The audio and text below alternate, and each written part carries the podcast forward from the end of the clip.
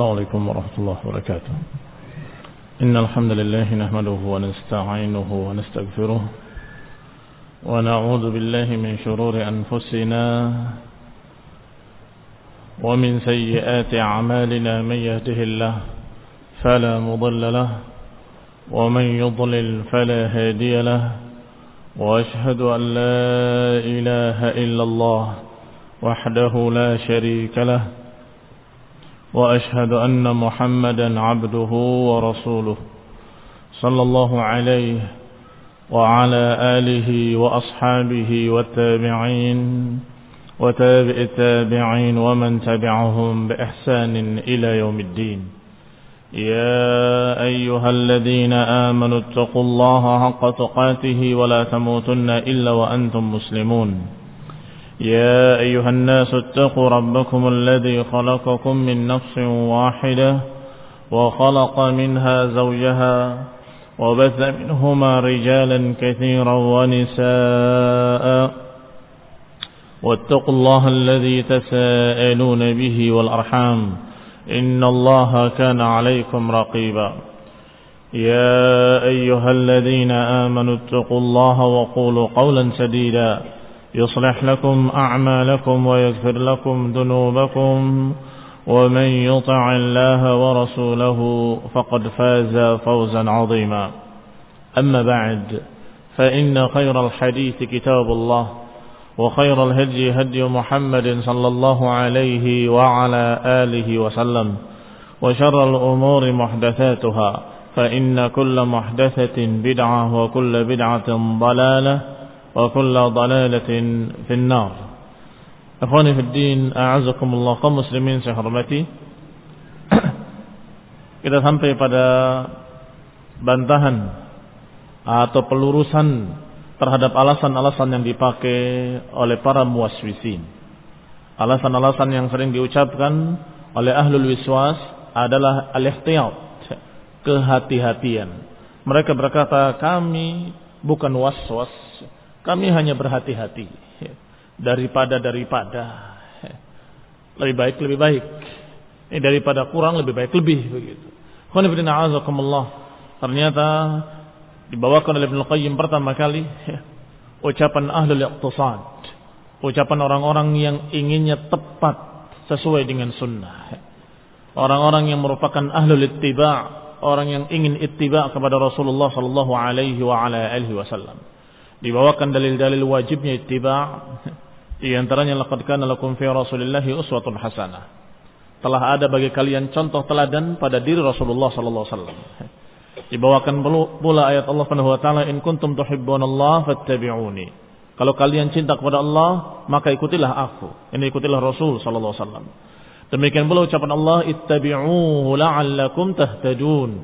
Ittiba'lah kepada Rasul niscaya kalian mendapatkan hidayah atau ucapan Allah Subhanahu wa taala wa anna hadha siratan mustaqiman fattabi'uhu wa la tattabi'us subul fatafarraqu bikum an sabilihi dzalikum wasaqum bihi la'allakum tattaqun. Kata Allah inilah jalan yang lurus jalanku yang lurus maka ikutilah dia. Dan jangan ikuti jalan-jalan lain niscaya kalian akan berpecah belah dari jalannya. Demikian diwasiatkan oleh Allah pada kalian agar kalian bertakwa Kemudian diluruskan, dijelaskan oleh Ibnu Qayyim bahwa yang namanya sabilullah atau siratal mustaqim adalah jalan yang digariskan oleh Rasulullah sallallahu alaihi wa ala alihi wasallam. Maka siapa yang menyimpang dari jalan Nabi, maka dia menyimpang dari jalan yang lurus. Dan yang namanya penyimpangan bisa dengan dua macam.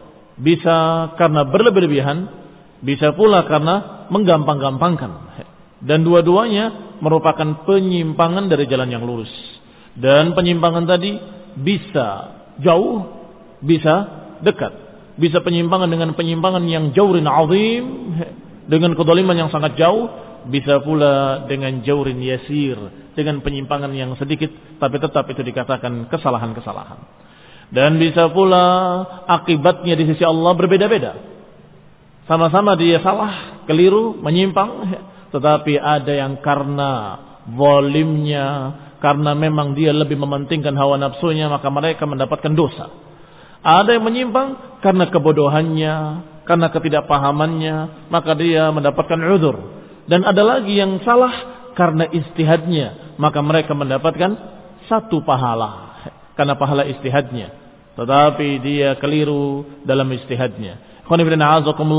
Akibat yang mereka akan dapatkan nanti yaumul qiyamah apakah dapat dosa atau dapat udur ataupun mendapatkan pahala karena istihadnya tetap secara hukum di dunia apa yang mereka katakan adalah salah. Artinya jangan diikuti. Walaupun kita katakan Imam Malik rahimahullah atau para ulama yang lain rahimahumullah beristihad dan salah istihadnya, kita katakan pada mereka insya Allah mereka mendapatkan pahala dengan istihad mereka. Tetapi kesalahannya tetap tidak boleh diikuti. Dan bisa jadi satu perbuatan dan satu kesalahan yang sama pada imamnya, pada syekhnya mendapatkan pahala kan istihadnya, tetapi para mukallidnya dapat dosa. Kenapa bisa berbeda hukumnya? Karena imamnya beristihad, al-alim beristihad dengan ilmu mereka, telah berupaya, berupaya, berupaya untuk ittiba, tetapi tergelincir.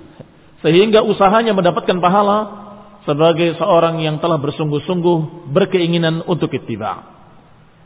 Dan kekeliruannya menyebabkan dia mendapatkan pahala hanya satu. Sedangkan siapa yang beristihad dan asab mendapatkan dua pahala. Tetapi pengikutnya tadi yang muqallid dalam keadaan dia tidak memiliki upaya untuk ittiba. Bahkan disampaikan hadis yang sahih kepadanya, dia tetap menyatakan, tapi pokoknya saya ikut syekh fulan, ikut imam fulan. Maka tentunya berbeda hukumnya, walaupun kesalahannya sama. Kemudian dibawakan oleh Ibn Qayyim ucapan ahlul ittiba' orang-orang yang sangat ingin untuk mengikuti sunnah membawakan larangan-larangan dari al-ghulu. Qala rahimahullah wa nahnu nasuqu min hadyi Rasulillah sallallahu alaihi wa ala alihi wasallam wa hadyi ashabihi ma yubayyin ayyul fariqain aula bittiba'i. Kami sekarang bawakan bimbingan Rasulullah sallallahu alaihi wa ala alihi wasallam dan juga bimbingan para sahabatnya ridwanullah alaihim majma'in agar menjadi jelas ayyuhuma aula bil agar jelas kelompok mana yang lebih pantas kita ikuti madhabnya. Apakah kelompok yang tadinya dikatakan ahlul i'tiyad orang-orang yang sangat berhati-hati katanya, tetapi dari sisi lain justru orang yang berlebih-lebihan atau orang-orang yang ahlul ittiba. Insyaallah dengan dibawakan dalil-dalil ini akan terlihat. Yubayyin ayyul fariqaini aula bil ittiba' siapa kelompok yang lebih pantas untuk diikuti?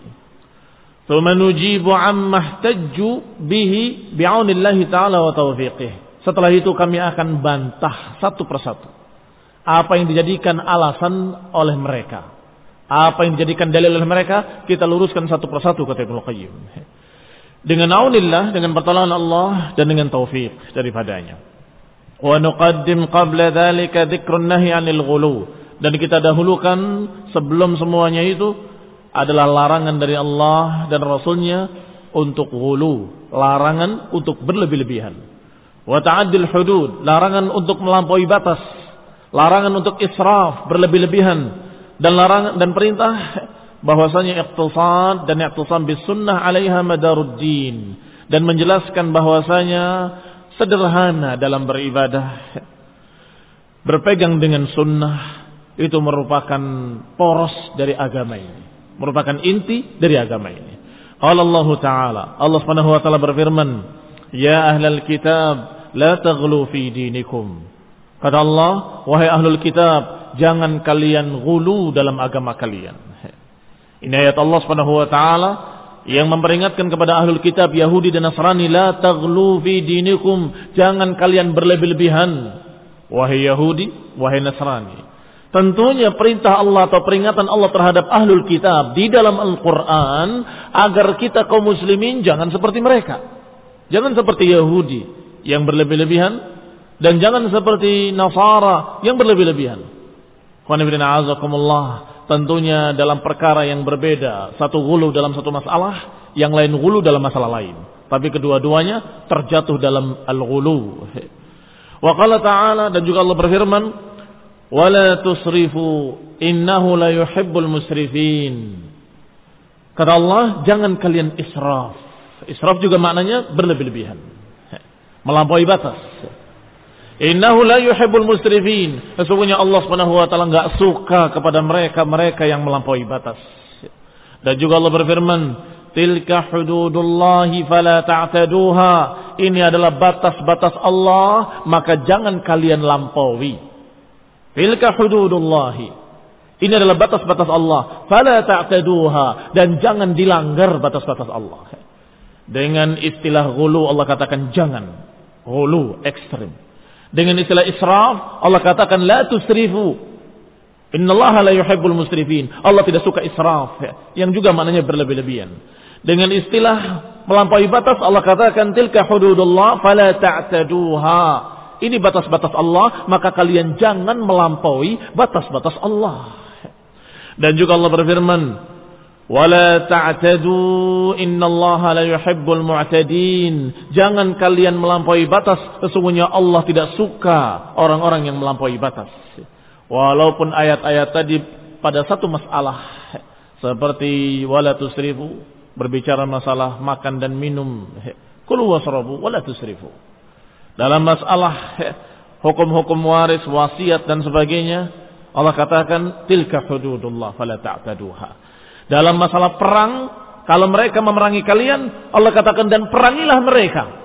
Sebagaimana mereka memerangi kalian, wala ta'tadu dan jangan berlebih-lebihan. Allah nggak suka yang berlebih-lebihan.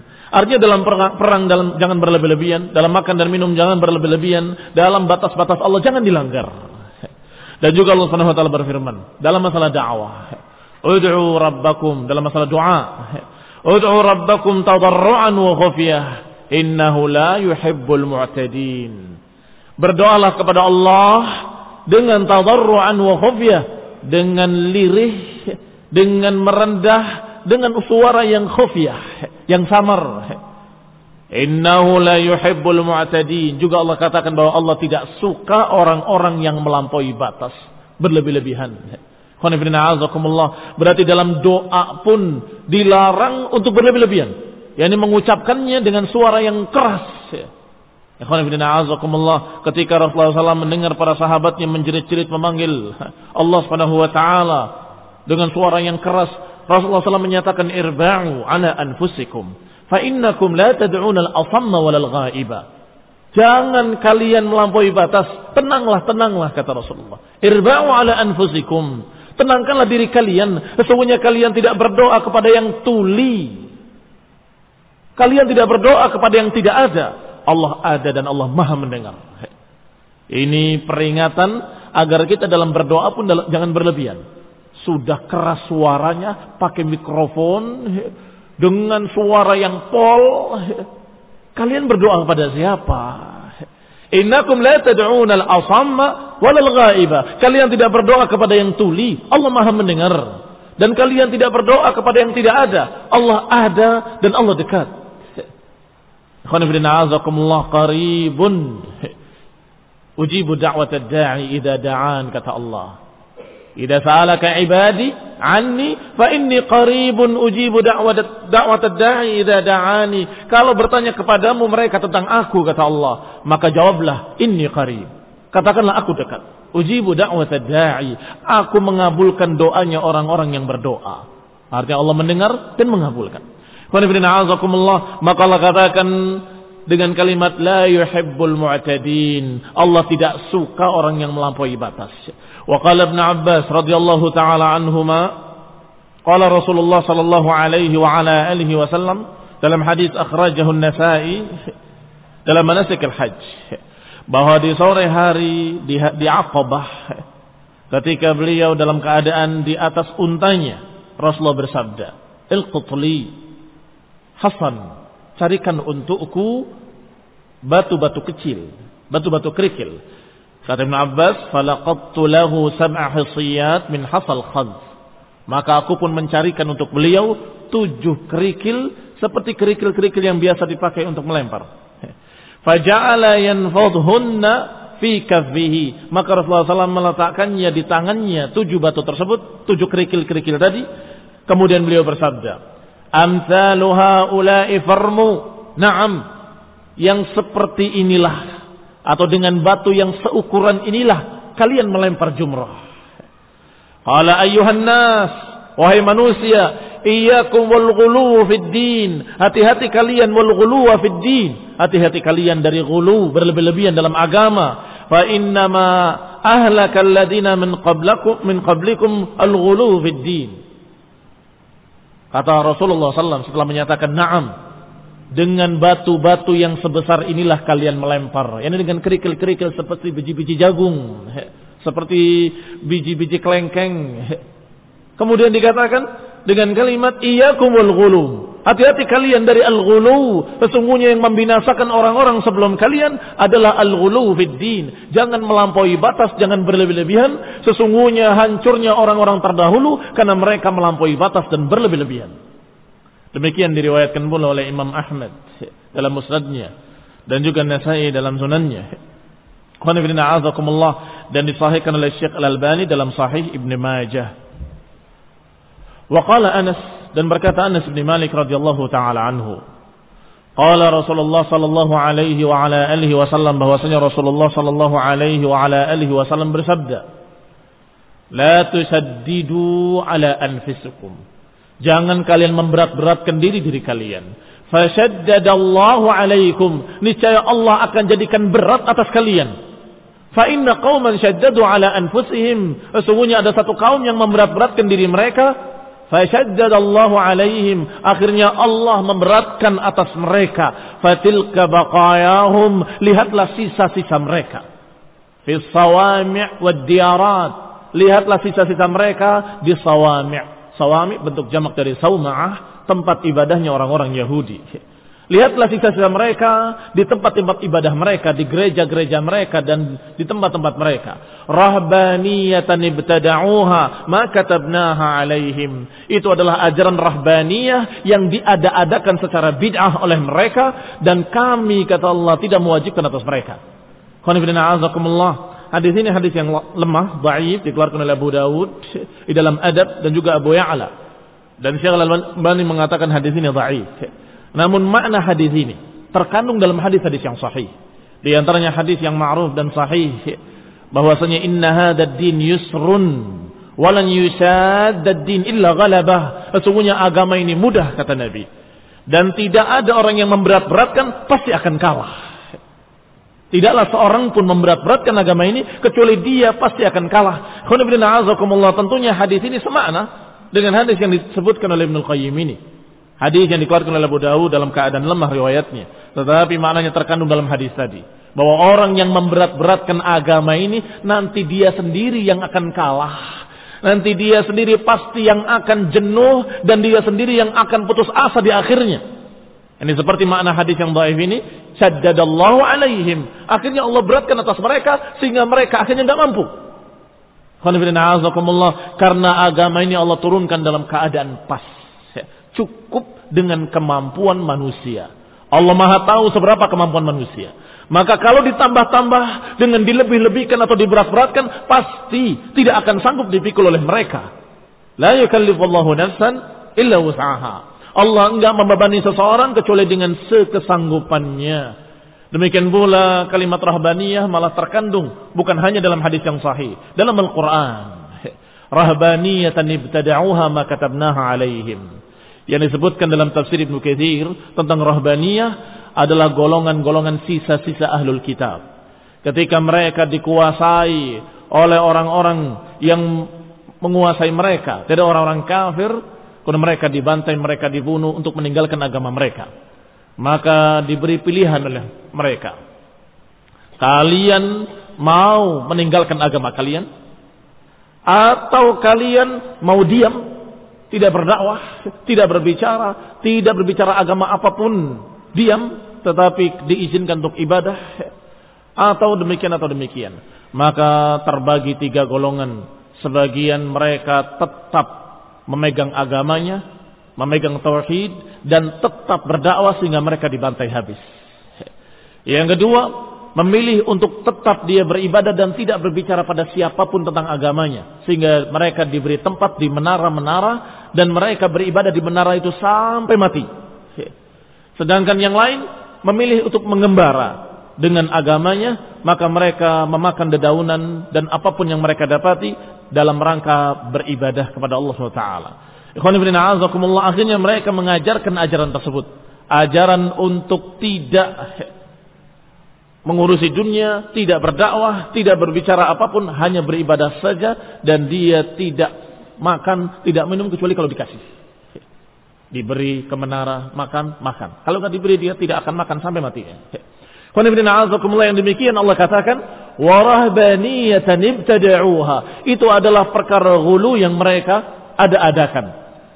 Yang Allah tidak wajibkan atas mereka. فنهى النبي صلى الله عليه وعلى آله وسلم عن التشديد في الدين maka dalam hadis yang sahih tadi inna hadzal din yusrun falan yushaddad din illa ghalabah terdapat dalil larangan untuk memberat-beratkan agama ini. Tapi bagaimana memberat-beratkan agama ini? Tentunya dengan tambahan-tambahan. Tentunya dengan dilebih-lebihkan. Tentunya dengan berbagai macam perbuatan-perbuatan yang tidak diperintahkan dalam Al-Quran. Wala sunnah. Wadhalika biziyada alal masyru' Yang namanya tasdid adalah dengan menambah di atas yang disyariatkan. Wa akhbara anna tasdid al-'abdi ala nafsihi huwa sabab li tasdidillahi alaih.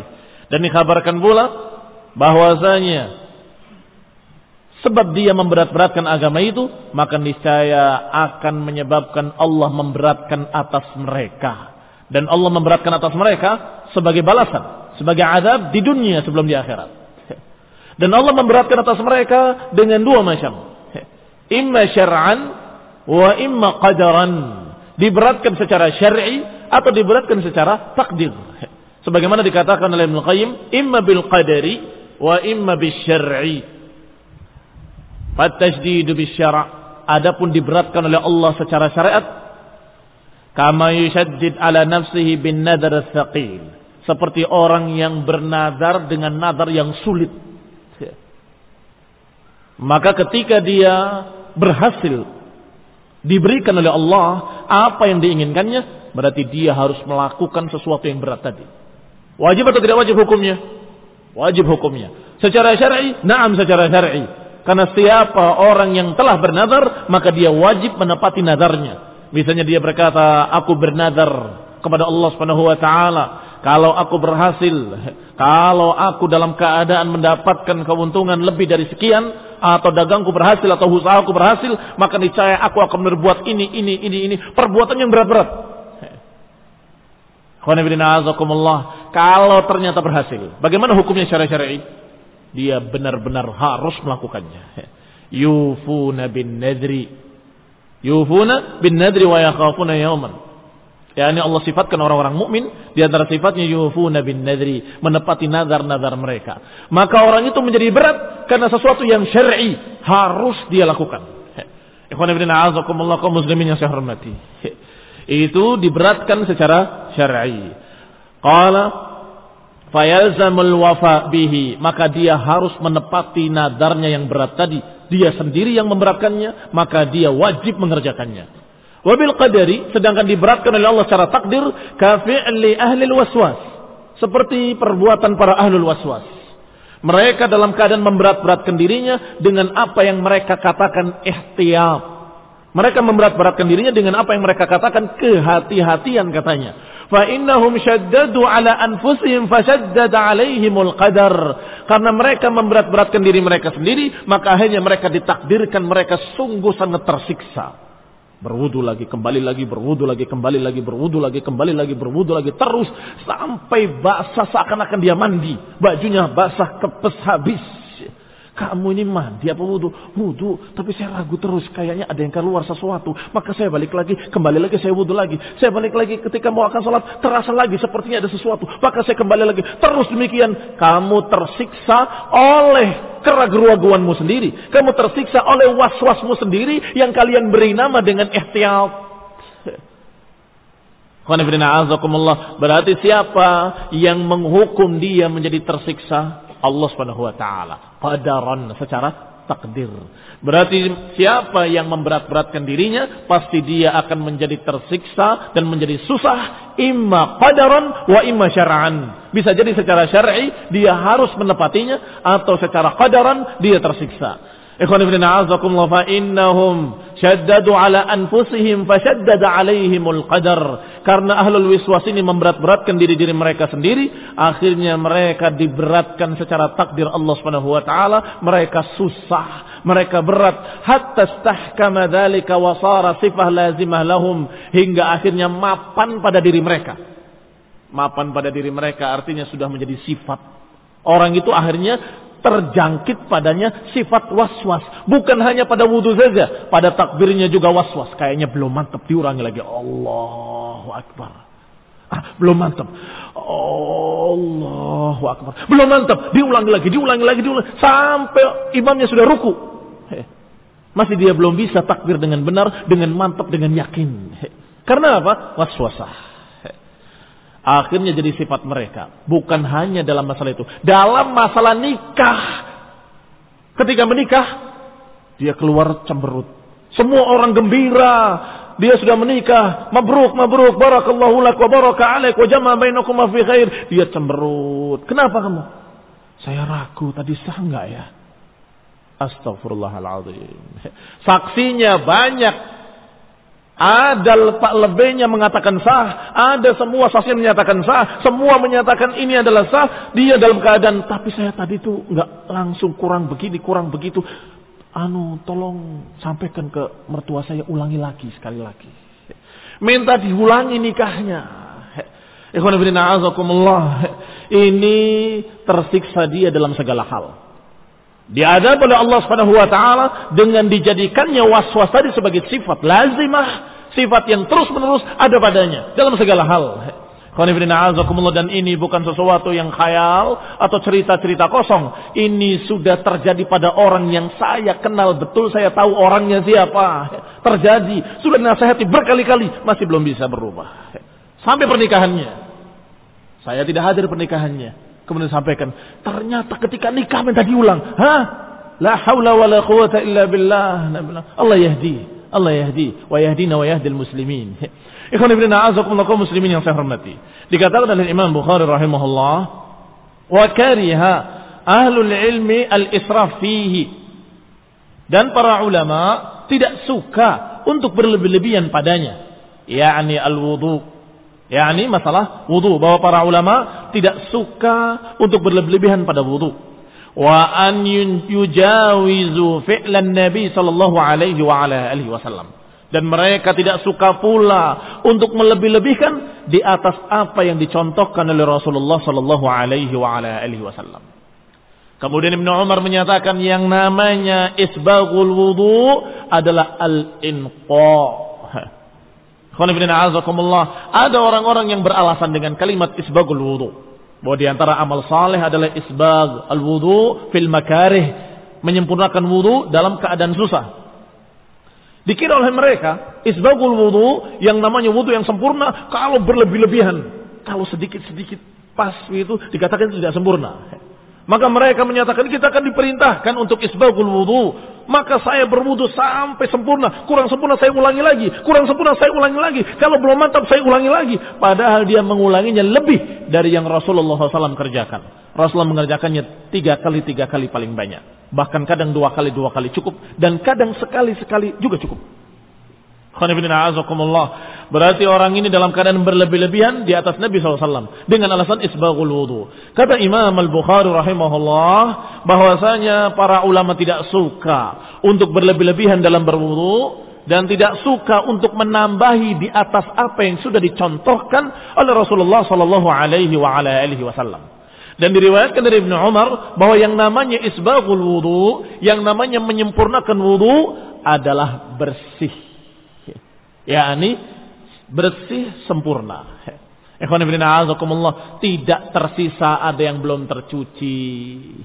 Ini yang namanya isbaghul wudu. Kalau tersisa ditumitnya terancam. Wailun lil aqabi minan nar. Celaka orang yang tumitnya tidak tercuci, terancam dengan nar.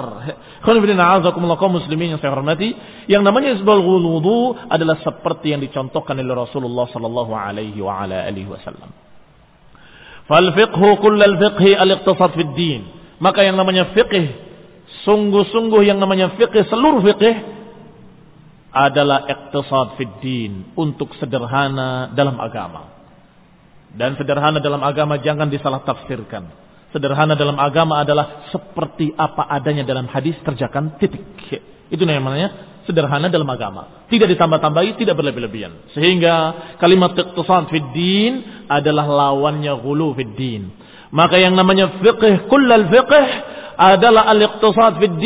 Untuk sederhana dalam beragama tidak berlebih-lebihan.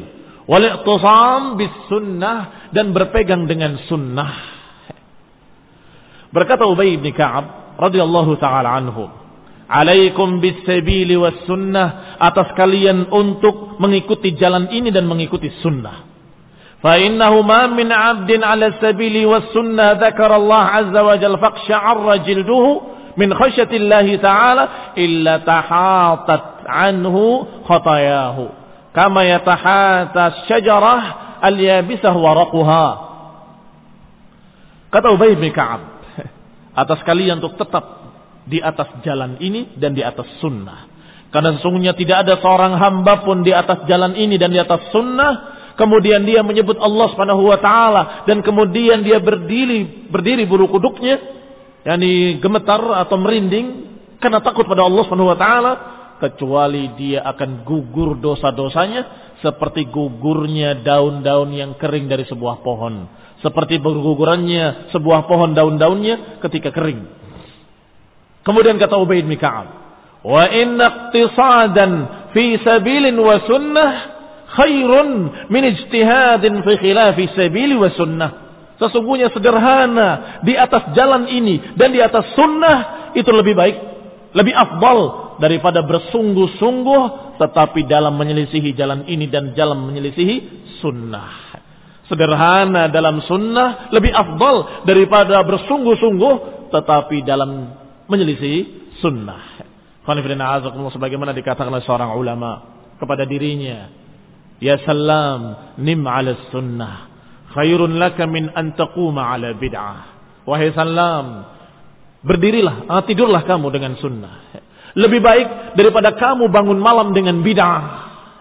Nim ala sunnah Khairun laka min antaquma ala bid'ah. Kamu tidur dengan cara sunnah lebih baik daripada kamu bersungguh-sungguh berdiri di tengah malam tetapi dengan cara bid'ah. Ini bersungguh-sungguh tapi dengan cara bid'ah. Yang ini tidur tetapi dengan cara sunnah. Maka tidur dengan cara sunnah lebih baik. Ikhwan ibn a'azakumullah wa afdal minhuma dan lebih baik dari keduanya bangun di malam hari dengan cara sunnah. Laisa kadzalik. Tetapi untuk menggambarkan sederhana dalam sunnah itu lebih afdal. Bahkan tidur lebih baik daripada sholat. Kapan?